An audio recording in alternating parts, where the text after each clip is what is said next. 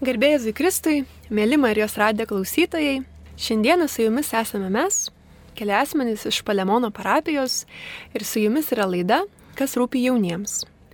Tai mes buvome pakviesti pasidalinti keliais įspūdžiais iš savo kelionės į Italiją, ne bet kokią kelionę, o būtent kelionę į Salizietišką Turiną, Dombosko keliais, sužinoti apie jo dvasingumą ir jo gyvenimą. Mes esame trise tos, kurios keliavo, grupė buvo 15 žmonių, viena jų esu aš, Karolina, Palemono parapijos jaunimo grupės vadovė, buvusi istorijos studentė, dabar jau būsim menų studentė. Aš esu Simona, mokinė. Sesė Inga Rukaitė, Salizietė. Ir Odilija, trečio kurso religijos pedagogikos studentė iš tiesų labai įdomu būtų išgirsti daugiau apie kelionę, taigi manau geriausia būtų pradžioje pradėti, kokia visgi buvo kelionės misija. Iš tiesų, pirmiausia, galima pasakyti, jog mūsų kelionė buvo ilga, ne penkios, o devynios dienos, galima sakyti beveik dešimt, jeigu imsime visus skrydžius, naktis ir panašius dalykus. Visą laiką buvome Turino mieste, buvom dar vieną dieną Alpėse, Tai irgi turbūt, kad verta įskirti. Ir buvom dar vieną dieną Milane.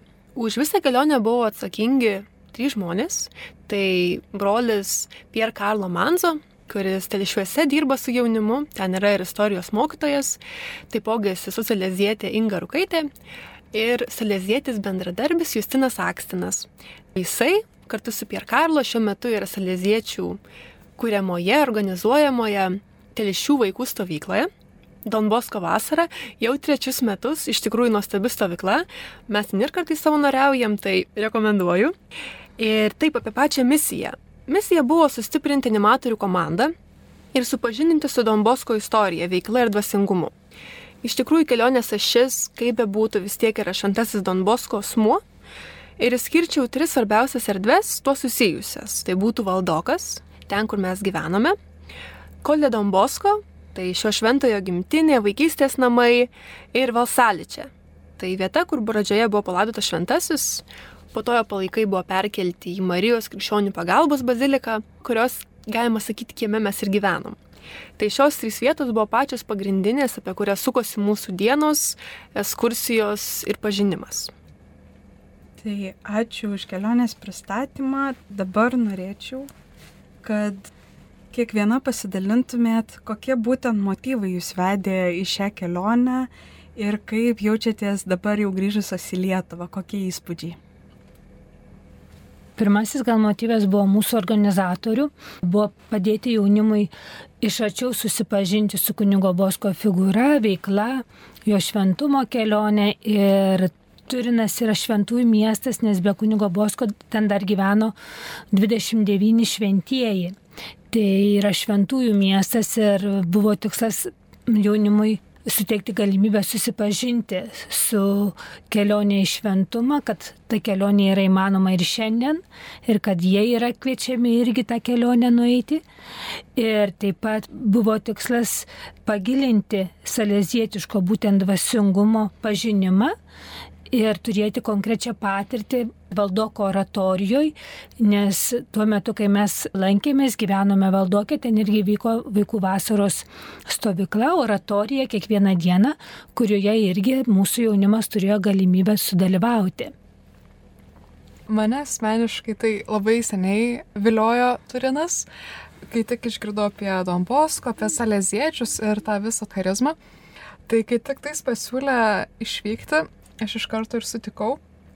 Ir plus tikriausiai čia tapo toksai vasaros nepamirštamas nuotykis, kadangi man jau paskutinę vasarą prieš paskutinius mokslo metus, tai tikrai noriu atsakyti kai kurios klausimus, sudėliotą gyvenimą į tam tikrus punktelius gal labiau.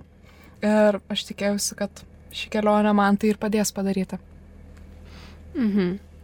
Mano tie motyvai tokie gal Nežinau, ar per daug dvasingi buvo. Aš norėjau pamatyti Italiją. Italijoje aš dar nesu buvus, tai man buvo toks kaip žingsnis į kitą šalį, į kitą tautą ir į kitą kultūrą.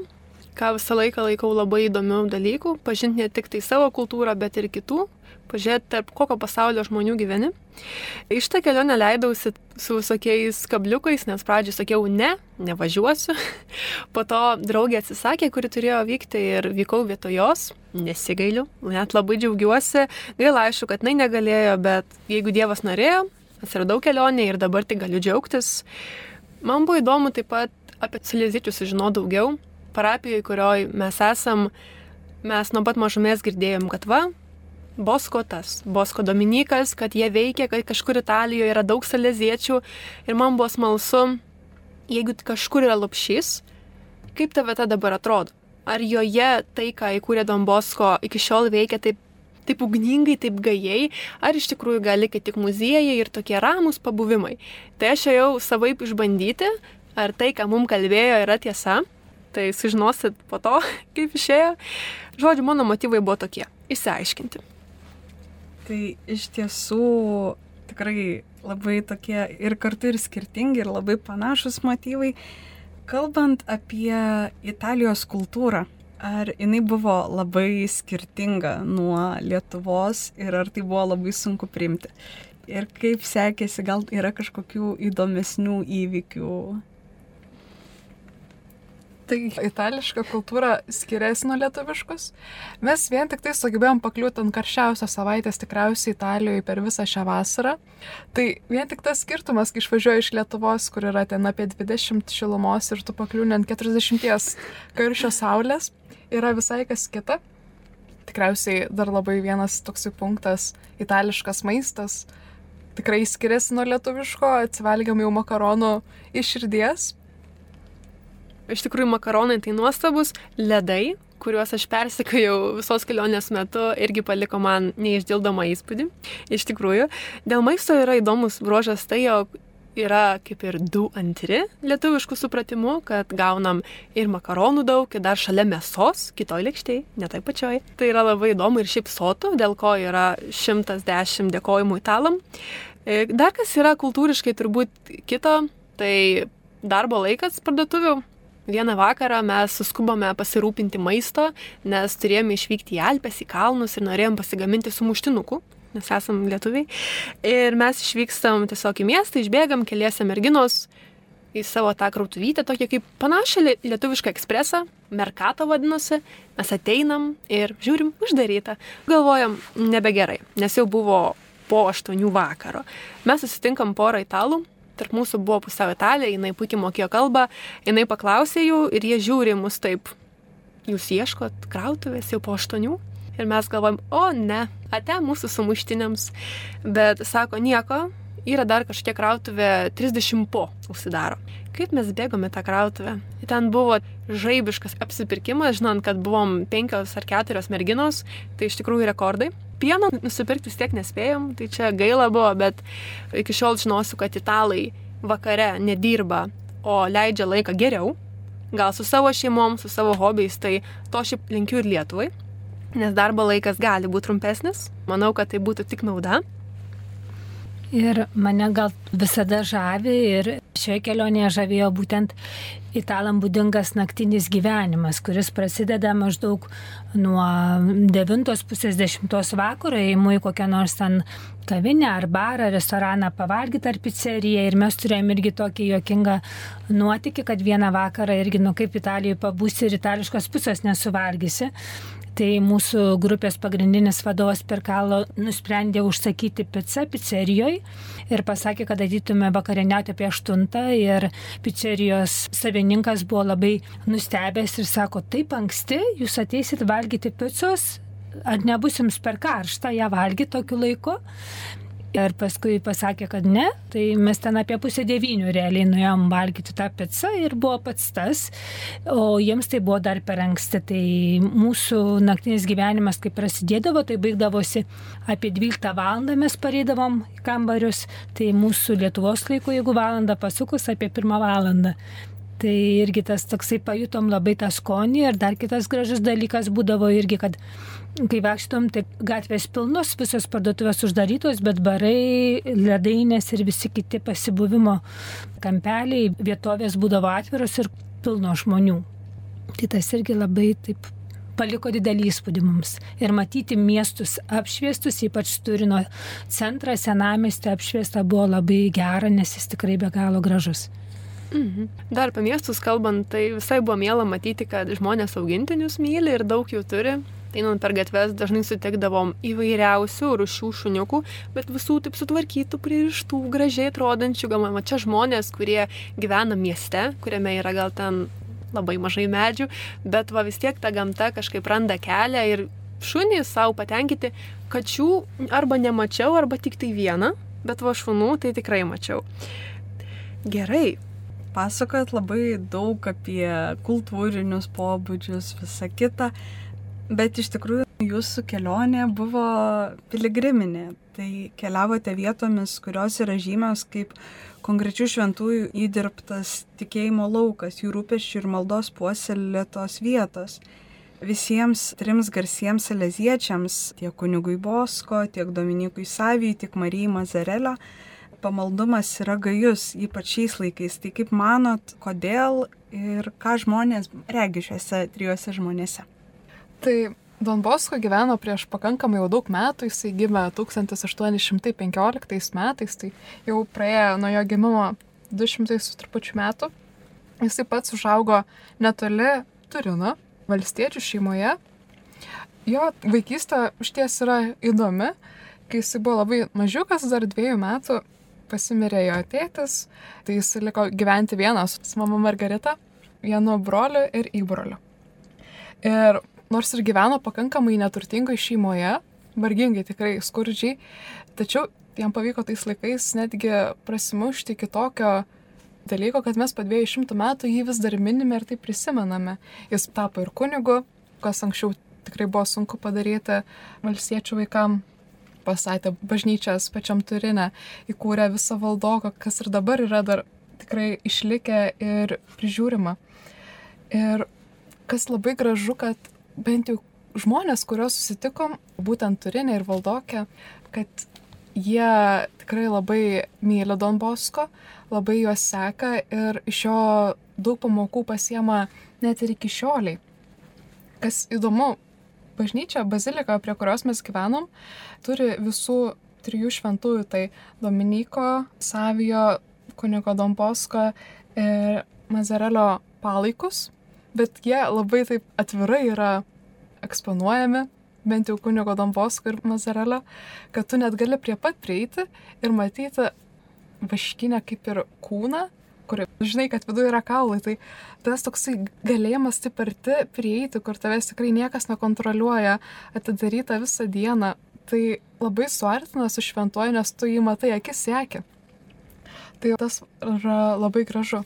Ir būtent pamatyti tiek daug jaunų žmonių, kurie gyvena tą salezietišką dvasę, ko mes Lietuvoje galbūt taip nepamatysim tiek daug, bet na, įsminios ir vaikų, ir tų pačių jaunų saleziečių, ir šiaip žmonių, kurie ten apsigyvena, tai yra tikrai įspūdinga. Mhm. Tai iš tikrųjų Don Bosko daug padarė ir labai gražu matyti, kad visgi tai, ką jis taip kūrė, iš tikrųjų ir per vargą, ir per rūpestį, ir per didžiulę meilę jaunimui ir kitiems žmonėms, tas yra išlikę ir yra jo matomas kaip darbo vienas iš, nežinau, žiedų ar karūnėlių, tai būtų Dominikas Savijo. Šitoj kelionėje man jisai ypatingai buvo įdomus, kai buvau tiesiog Lietuvoje ir iki šiol šiaip apie jį maščiau, tai galvojau, na, vaikas, šventasis, tiesiog va taifa, bet kai nuvažiavau ten ir sužinojau, koks yra pamaldumas jam ir apie jo gyvenimą, kiek yra daug prirašyta ir žmonės žino ir prašo jo užtarimo, labai įvairių žmonės, tai sužinojau, kad yra visa ta kita pusė susijusi su tuo šventuoju tai jisai irgi XIX amžiaus viduryje gimė, 57-aisiais mirė, 15 metų tik būdamas, irgi neturtingos šeimos, jo tėvas buvo kalvis, mama siuvėja, jisai buvo vienas iš dešimties vaikų, rodos, jeigu neklystu, ir jisai gimė netoli Turino, Ryvos tokioj daly. Kas su juo yra taip įdomu, jog jisai yra vaikinų, galiu pasakyti, tokia kaip balanso, koks turėtų būti nei kad labai mačo, kad ten kitus skriaudžia, nei labai ramus stilus, kad be savo vietos pasaulyje, bet toks paauglio vaikino balanso atradėjas, kad ir draugam padeda, jo laisvalaikis su draugais, jisai ir kitus globoja, bet pats jis yra smalsus, intelektualus ir pasiryžęs siekti savo tikslų. Aš manau, kad Lietuvoje galėtume daugiau apie jį žinot, gal mums tai padėtų irgi seaiškint, nes mokyklose kartais tų pavyzdžių vaikinam tiesiog trūksta, merginom kažkaip turim daugiau. O va, italai turi Dominiką Savijo ir jiem yra gerai. Gražu yra žinoti tai, jog būtent jiems svarbus buvo linksmumo aspektas, kad linksmai tarnaukite viešpačiui. Jis labai norėjo būti šventas ir jis norėjo būti ir kunigu. Dombosko stengiasi ugdyti, padėti. Kaip tik atėjo Dominikas Savijo pas jį, jis ieškojo to ugdytojo, to padėjėjo, kuris jį padėtų kelti, tiesiog tobulėti jam. Kaip sako, aš esu medžiaga, bet man reikia siuvėjo, kad mane padarytų gerą drabužį viešpačiui. Ir Don Bosko buvo tas įvėjas, prie jo Dominikas Savijo ir augo ir kitus ugdė.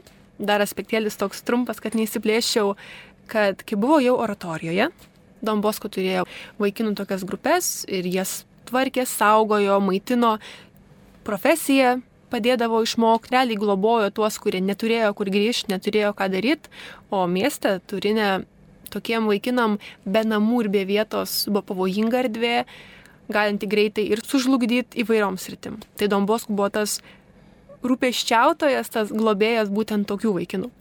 Ir Dominikas Savio matydamas tą pavyzdį, pačioje oratorijoje, kaip klubas būtų, kaip mažytė bendruomenė, Dombosko jiem leido, subūrė būrelį, kuris rūpinosi jau ir kitais vaikinais, kaip tais pirmo atveju, kurie buvo tokie nepaklusnesni, ar tai keikdavosi, ar tai muždavosi, tie, kurie sunkiai pritapdavo.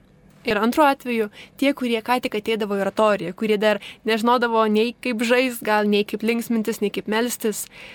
Tai tie vaikai rūpindavosi dar kitais vaikais, jų tokiu paglobojimu, kol jiem tapdavo geriau, kol gal nustodavo keiktis, kol gal įeidavo į tą pačią bendruomenę, tokie kaip klubas klube. Labai gražu.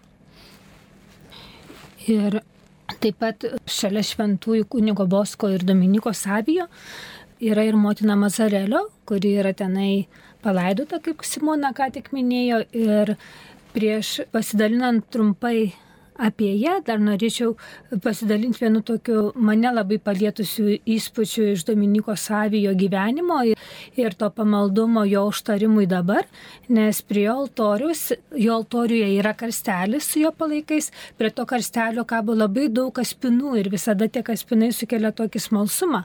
Kodėl čia tų kaspinų tiek daug ir vaikų nuotraukų? Tai būtent dėl to, kad Dominikas Savijo yra užtarėjas besilaukiančių mamų ir ypač kai sunkus neštumas. Ir toje bazilikoje yra taip pat platinama tokia devocionalija kaip Dominiko rubelis, kurį nešioja besilaukianti mama, kurios neštumas sunkus ir per jo užtarimą dažniausiai vaikeliai gimsta sveiki ir viskas ten baigėsi gerai ir Lietuvoje tą pamaldumą irgi po truputį platinam. Nes paskutiniu metu man asmeniškai tenka dažnai sutikti porų, kuriuom ne visada iš karto pavyksta gauti tą dovaną iš viešpatės ir prašo Dominiko užtarimo tokiuose situacijose. Ir gal mažiausiai iš tų trijų šventųjų pažįstama mums yra motina Mazarelio, kur yra bendras teigėja kartu su kunigo Bosko mūsų instituto Marijos krikščionių pagalbos dukterų. Ir jos gyvenimas buvo labai paprastas. Jis buvo tyli, energinga kaimo mergaitė. Gimė 1837 metais gegužės 9 Mornesija, labai mažame miestelėje, Šiaurės Italijoje. Irgi neturtingoj šeimoje, jos tėtis dirbo vynogynuose, jinai turėjo ypač gerą santykių su tėčiu, irgi jo šeima buvo daugia vaikė. Ir jos gyvenimo galima suskirstyti tokius keturis pagrindinius etapus. Tai pirmas etapas iki 13 metų, tai būtent tas vaikystės etapas truko Mornesija, su savo šeima gyvenant, paskui, kai jinai buvo 12 metų, jos tėtis išsinuomoja namą ir žemę netoli nuo Mornezės, Valponaskoje ir jie ten jau atsiskiria nuo likusios šeimos ir tik su savo šeima jinai įsikelia gyventi tą namelį ir dirba su tėvu vynogynuose. Ir buvo labai energinga mergina, labai darbšti ir kai tėvas pasisamdydavo kitus vyrus, kad jam padėtų prižiūrėti vynogynus, tai kai kurie kartais net nenorėdavo eiti pasidirbti, nes jam būdavo gėda pralaimėti tenai rungtyniaudavo prižiūrėdami tą vynogyną, ar jį apkarpydami, ar žemę dirbdami ir jiem būdavo gėda pralaimėti prieš Mariją Dominiką kažkokias tai rungtynės. Paskui ateina tokia bėda į Italiją, būtent šiltinės epidemija 1860 metais ir ta bėda paliečia labai artimai ir Marijos Dominiko šeimą ir asmeniškai jos gyvenimą. Ji turėjo 23 metus kai jos artimieji giminaičiai susirga šiltinė ir jos dvasios palydėtojas, pastarino jai sako, eik ir juos slaugyk. Ir jai tai reiškia, kad jinai irgi gali tą lygą susirgti. Ir juos beslaugydama susirga. Ir kai jau pasveiksta iš tos lygos, jinai netenka visų tų jėgų ir iš tos energingos tarp šios merginos jaučiasi niekam nereikalinga ir išgyvena savo gyvenime didelę krizę, depresiją. Ir vieną dieną eidama gatvelę pamato siuvėją pro langą siuvanti rūbus ir jai kila mintis, kodėl netapus ir man siuvėja, nes laukuose daugiau nebegalėsiu dirbti, pasikalbina savo draugę ir kartu su draugė pradeda lankyti pamokas pas tą siuvėją ir jų tikslas, kad išmokus to amato, burti aplink savęs mergaitės ir atidaryti mažytę siuvyklą ir kad tos merginos ne tik išmoktų siūti rūbus, bet ir mylėti Dievą. Tai tampa jų tokiu katechezės apaštalavimo lauku ta veikla. Ir vieną dieną jinai įdama Borgo Alto gatvelę, turi tokią kaip viziją, mato didžiulį pastatą, savo išvaizdą primenantį bendrabutį su daugybė merginų ir balsą, kuris jai sako, aš jas pavedu tau. Tai buvo tik akimirką, bet tai nurodė, kad jie ateityje bus įsteigėję kongregacijos didelės, kuri dirbs būtent su mergaitėm tuo metu ir taip pat per ją viešpas darys daug gero. Taigi ir trečias etapas, tai jau kai jinai susitinka su kunigo Bosko 1864 metais ir jinai jį pamačius atpažįsta, jinai sako, šis yra šventasis ir aš tai jaučiu.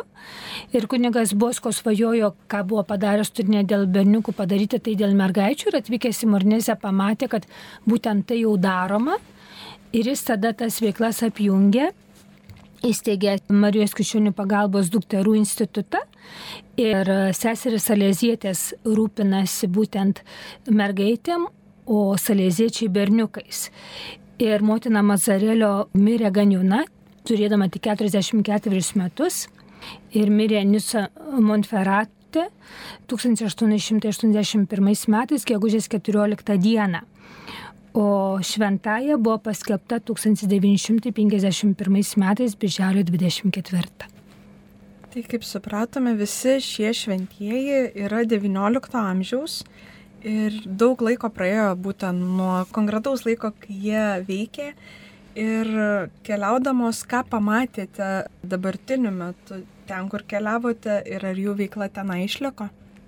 Taip, iš tikrųjų veikla išliko, verdiktą galima laisvai skelbti ir kad salėziečiai yra gyvi.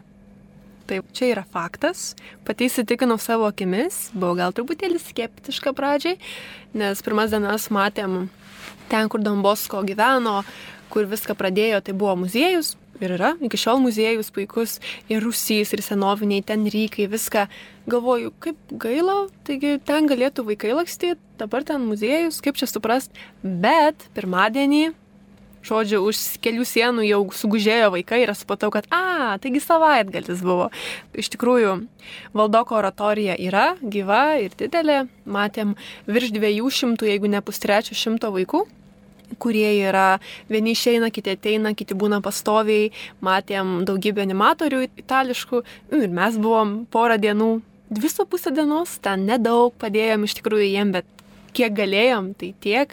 Kadangi labai sunku buvo su kalba, mes itališkai labai prastai kalbėjom, galima sakyti, nekalbėjom, o jie gan nedaug kalbėjo angliškai, kas buvo truputį keista. Kita vertus, žaidimas žaismė yra kalba žinoma visiems, tai sustojus ratą pasiemus kamolį, kalba net jos nereikėdavo. Buvo žaidimas, buvo linksmumas ir to užteko, kad būtų galima bendrauti. Tai va, oratorija labai graži, nes ten yra vienijama ir malda, ir lakstimas, ir buvimas kartu, ir bendravimas. Žodžiu, aš kiek buvau, man patiko, nors buvo labai karšta, faktas. Ir ten toj stovykloje, jinai trunka kiek ten, penkias su viršum savaičių, tai pas mus aš tokių stovyklų, kurios tiek truktų, nežinau, gal kokie skautai nebent, mano žinios čia baigėsi. Bet daugiau negu penkias, jau Netgi penkias daugiau. vyksta ir dar po mūsų dar tris bus. Tai jie ten aštuonias savaitės tai paro visi išsijuose. Tai Nuo čia- ryto lygi vakaro. Čia paminklas užtarimas jiems. šventųjų, tenais taip veikia, nes jūs pagalvokit, pas mus Lietuvoje maks savaitę aš būna tokia stovykla su Ir mažais tai vos vos, kad ten, oi, jau pilvelį kažkam skauda, oi, ten animatoriai nebegali, o čia Kiek savaičių. tai kita vertus, kaip yra gražu, kad jie būna tiek laiko, galim pasidžiaugti, kad per tiek laiko jie iš tikrųjų gali pabandyti bent truputį pažinti tuos vaikus.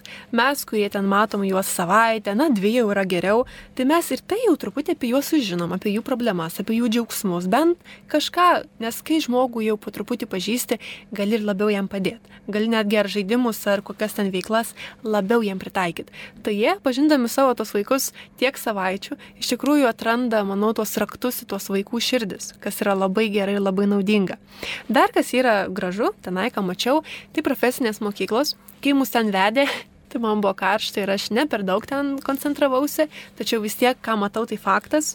Tai buvo spaustuvė, buvo konditerijos tokia kaip dirbtuvės mokykla ir buvo dar informacinių technologijų. Tiksliai, kokios ten profesijos yra augdomos, aš nežinau, bet matosi ir kiek sakė, taip tiesiog bendrai apie kompiuterius, elektrikų dar irgi, nes matėm labai daug visokių mikroschemų, dalykų keistų. Tie, kur elektrikai supranta, aš ne. Tai žodžiu, ne tik tai, kad tą jaunimą prisišaukti, išmokyti juos apie Dievą, bet kaip ir Donbosko laikais, kai sako, kad čia tie laikai susilieja, kad tiek dabar, tiek prieš 200 metų reikėjo, kad žmogus turėtų pasaulyje vietą. Kad jisai žinotų, kad yra elektrikas, ar yra siuvėjas, ar yra konditeris, ar yra koks ten, nežinau kas, istorikas ir galėtų eiti užsidirbti pinigus. Būtų tas geras krikščionis ir doras pilietis. Ir savo pinigus galėtų kaupti ir pats įduos juos daryti, jau nebūtų priklausomas vieno kitų malonės. Tada jis galės aukoti pinigus ar kažką jau dėl kitų daryti. Žodžiu, su profesijom, su stovyklom valdokė labai gerai ir dar turinėgi ne viena oratorija yra. Manau, kad yra kelios, ten kiti ir savanoriavo. Tai žodžiu, gražu ir gražu.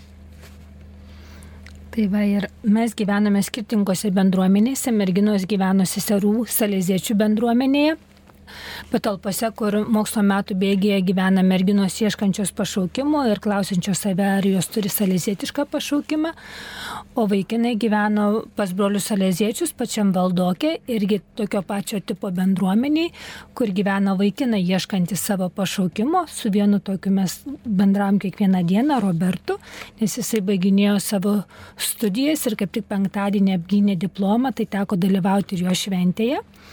Ir ten irgi bendruomenės tikslas yra padėti jaunuoliams atskirti, ar tikrai jie turi salizietišką pašaukimą. Tai, kas patiko mums tojose bendruomenėse, ypač vaikinų bendruomenės patalpose, mes ten ir valgydavom, ir susiburdavom pasidalinimam, tai labai tokia šeiminiška aplinka tikrai jaukiai jautėmės kaip namuose. Ir be šių bendruomenių valdokė dar yra kitos bendruomenės. Taip pačiam valdokė yra generaliniai dabar laikinai brolių salėziečių namai, kur, yra, kur gyvena ir rektorius, kunigo Bosko pasiekėjas. Ir taip pat e, inspektorios namai, Piemonto inspektorijos namai ir taip pat yra brolių salėziečių, kurie ten dirba mokyklose, profesinėse mokyklose ir, ir kitose veiklose dalyvauja, kurios yra vykdomos valdokė. Taigi tokia mišri aplinka, trys bendruomenės vienoje teritorijoje. O aikštėje priešais baziliką yra irgi dvi bendruomenės seserų salėziečių ir juose yra vykdomos irgi vairios veiklos. Yra ir vaikų daželis, kuris veikia tuo metu, kai mes būdavom dieną praeidom pro mažus vaikiukus išdikaujančius. Ir taip pat priima aktyviai atvažiuojančius vaikus, jaunimą rekolekcijom įvairiom bendrystės patirtim. Ir e, mums teko irgi susitikti ne su viena italų grupe, italų jaunimo grupe, kurie būtent tai patirčiai tuos namus atvažiuodavo. Dar kas labai įdomu tuose namuose, tokių yra dalykų, kur mes galbūt savo nerasim. Tai labai kas mūsų žavėjo prie tokio karščio, tai buvo gazuotas vanduo. Kad tu gali savo buteliuką prisipilti. Ir jūs net neįsivaizduot, kokia atgaiva yra po karštos dienos, po visų tų įspūdžių, ateini ir tave pasitinka sesės ir leidžiu to vandens įsipilti šalto, gazuoto. Sausainių duoda. Sausainių.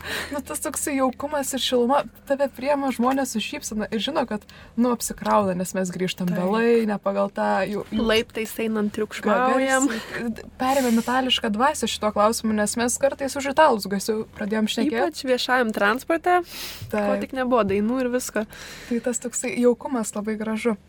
Taip pat mes dar buvom išvykę ir už Turino, tolėliau kiek į pačią gimtinę Donbosko, kuriuose užaugo. Ir aplankėm ten tokią vietą, kur susirenka jau e, saleziečiai vaikinai, kurie jau ruošiasi tapti saleziečiais. Tokia vieta, ten anksčiau buvo internatas.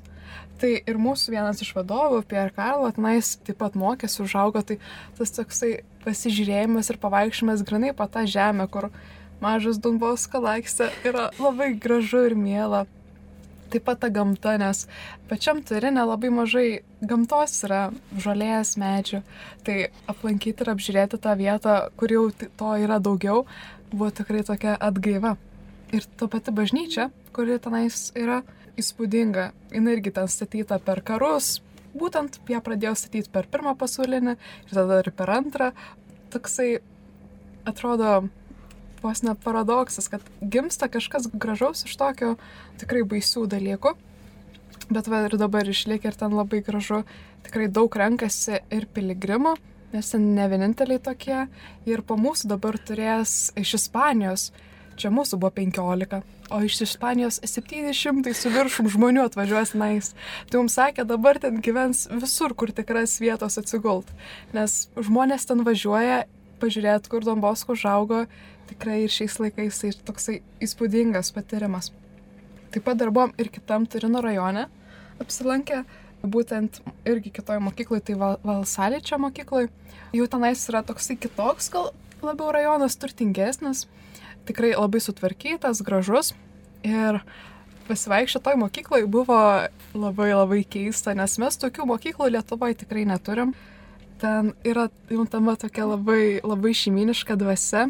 Ir kadangi tie mokytojai, kurie tenais ir gyvena, nes yra kunigai ir vienuoliai. Bet ir šiaip tiesiog eini pro koridorius ir tai viskas labai, labai miela ir jauku. Taip pat ta mokykla turi muziejų, būtent tą tokį zoologijos ir geologijos. Galima pamatyti tikrai surinktą pačių mokytojų įvairių dalykų, nuo akmenų visokių ar fizikinių eksperimentų. Tai toksai minti įsivaizduot, kad tu būdamas pamokoj gali iš tikro nueiti ir apžiūrėti, kaip atrodo vienos ar kitos fosilijos, kurios yra tavo mokyklos trečiame aukšte. Yra, nu, kažkas tokio, wow. Jo, tie muziejai mus ten kaip įleido, jie mane, kad mes ten būsim 10 minučių. Jie klydo. Iš mūsų ten reikėjo išlupinėti vos ne po vieną. Aš ten būčiau pasilikus miegot. Žodžiu, nes ten iš tikrųjų, kaip ir Simonas sako, yra kolekcija, bet ne šiaip, kad, nu, mėgėjas buvo, porą akmenų atnešė, bet sienų sienos, gražiausiai, pavyzdžiui, ten buvo mineralų labai daug, surašyta, cheminiai elementai, junginiai, kur rasta, viskas taip profesionaliai padaryta, kad matosi, jog nemėgėjai, o žmonės, kurie buvo dedikuoti tam reikalui, dedikuoti edukacijai tų vaikų, kurias, kurias Dievas jiem pavedė. Tai būtent ir geologijos, tam, ne geologijos, bet jau zoologijos muziejuje, visokių paukščių, kreuklių, tai iš viso stalažų, stalažai, bet viskas surašyta, sudėliota, sutvarkyta pedantiškai. Tai man labai labai gražu tai, net jie turėjo iš dinozaurų laikų medžių fosilijų. Galvoju, wow, aš apie tai mačiau tik tai vadovėlį, o dabar matau prieš save ant stiklo. Tai ir ne tik medžių, ir tų pagrindinių vabalų, kurie tenais, jo, jo. būtent tos evoliucijos teorijose ir tenais ir veikia. Tai tas toksai, kur gyvai tu matai, prie pat tavęs ant tas stiklas giplonas, tai čia yra wow, nu, ne, ne kiekvieną dieną tai gali pamatyti, o čia žmonės turi galimybę kitų dėka mokytojų ir šiaip geradarių žmonių, kad jie realiai mokyklos metu gali nueiti ir apžiūrėti, kas tik jos domina. Labai geras tas brožas aleziečių, kad ne tik tai vien malda, vien Dievas, bet šalia maldos, šalia Dievo ir protą, edukaciją ugdyti kad žmogui tikrai padėti tą smalsumą savo, nežinau, šerti, auginti ir jį vesti į tą intelektualinį gyvenimą, kas manau yra labai gerai. Tai kiek supratau, pagrindinė kelionė jūsų buvo Turino mieste Tai gal galėtumėt pasidalinti, kokie įspūdžiai iš jo? Tai iš tikrųjų iš tam klausimui jau mums beveik nebeliko laiko.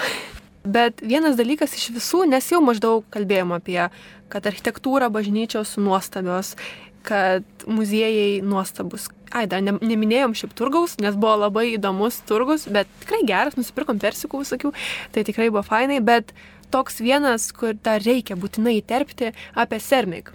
Tai sunku pasakyti, kaip jį įvardint. Nežinau, lopšys žmonių, kad jeigu tu praradai namus, jeigu tu neturi kur eiti, visiškai neturi kur eiti ir tu gali ateiti tenai, ten tu duos valgyt, padės apsigyventi, nereabilitacijos centras net, nežinau, sunku pasakyti kas, bet vieta, kur tavim rūpinas, tave myli, net jeigu visi kiti paliko. Tai sesinga gal daugiau gali pasakyti, taip, tiksliau. Taip man kelionė po Turiną, Koledomboską ir visas kitas vietas susijusias su salezietišku dvasingumu nebuvo naujiena ir nebuvo pirmą kartą, bet va būtent taikos arsenale apsilankyti Serming, trumpinys šito taikos arsenalo, tai buvo toksai geras įspūdis ir lengvas šokas, nes ta vieta įsikūrusi buvusiame Italijos ginklų fabrike kur buvo gaminami ginklai antrojo pasaulinio karo metu ir ten dabar yra taikos gėrio, meilės, ramybės gamykla. Ir kas mane palėtė ypač, tai pirmoji koplyčia, kurios tabernakulio durelis yra būtent durelis paimtos iš plieno krosnės, kurioje buvo deginamas plienas ir iš jo liejami ginklai. Tai dabar tos durelis yra tokios, už kurių yra pats Jėzus, ar neteikiama žmonėm gyvybė. Tai ir mus palėtė visus labai ta meilė, tas gerumas, su kuriuo sutinkamas kiekvienas žmogus. Ir būtent kai Lietuvai buvo sunkus laikai, kai mes vadavomės iš Sovietų sąjungos, būtent ta organizacija irgi padėjo Lietuvai. Ir mes ten radome, nes tik įėjus yra tokia siena, kur yra užrašas, kad gerumas nuginkluoja. Ir ta siena sulibdyta iš plytų ir ant tų plytų surašyto šalis, kuriam buvo padėta įvairiose sunkiose karo situacijose arba politinėse situacijose ir tarp tų plytų radome ir savo šalies pavadinimą Lietuvą. Tai labai palėtė širdį, kad organizacija savo laiku padėjo ir mum. Tai kągi, mūsų laikas jau išėjo į pabaigą ir mes norime užbaigti su malda. Tai vadant Dievo tėvo, snau šventosios dvasios amen. Dėkoju Dieve, galybių valdove, kad mums leidai išvykti į kelionę, kad mums davai tokius nuostabius vadovus ir parodėjai nuostabę šalį ir šventųjų takais mus vedėjai. Tai įkvėpk ir klausytojus Marijos radijo eiti, keliauti, pažinti tave, ieškoti tavęs ir prašyti užtarimo šventųjų, kurie tave jau atrado ir gali ir mum padėti būti geresniais, šventesniais ir eiti pas tave. Taip, Marija Masarelo Melski už mus. Dominikai Savijo, melski už mus. Šventasis Dombosko, melski už mus. Vardant Dievo Tėvo, Sūnaus Šventosios Dvasios Amen.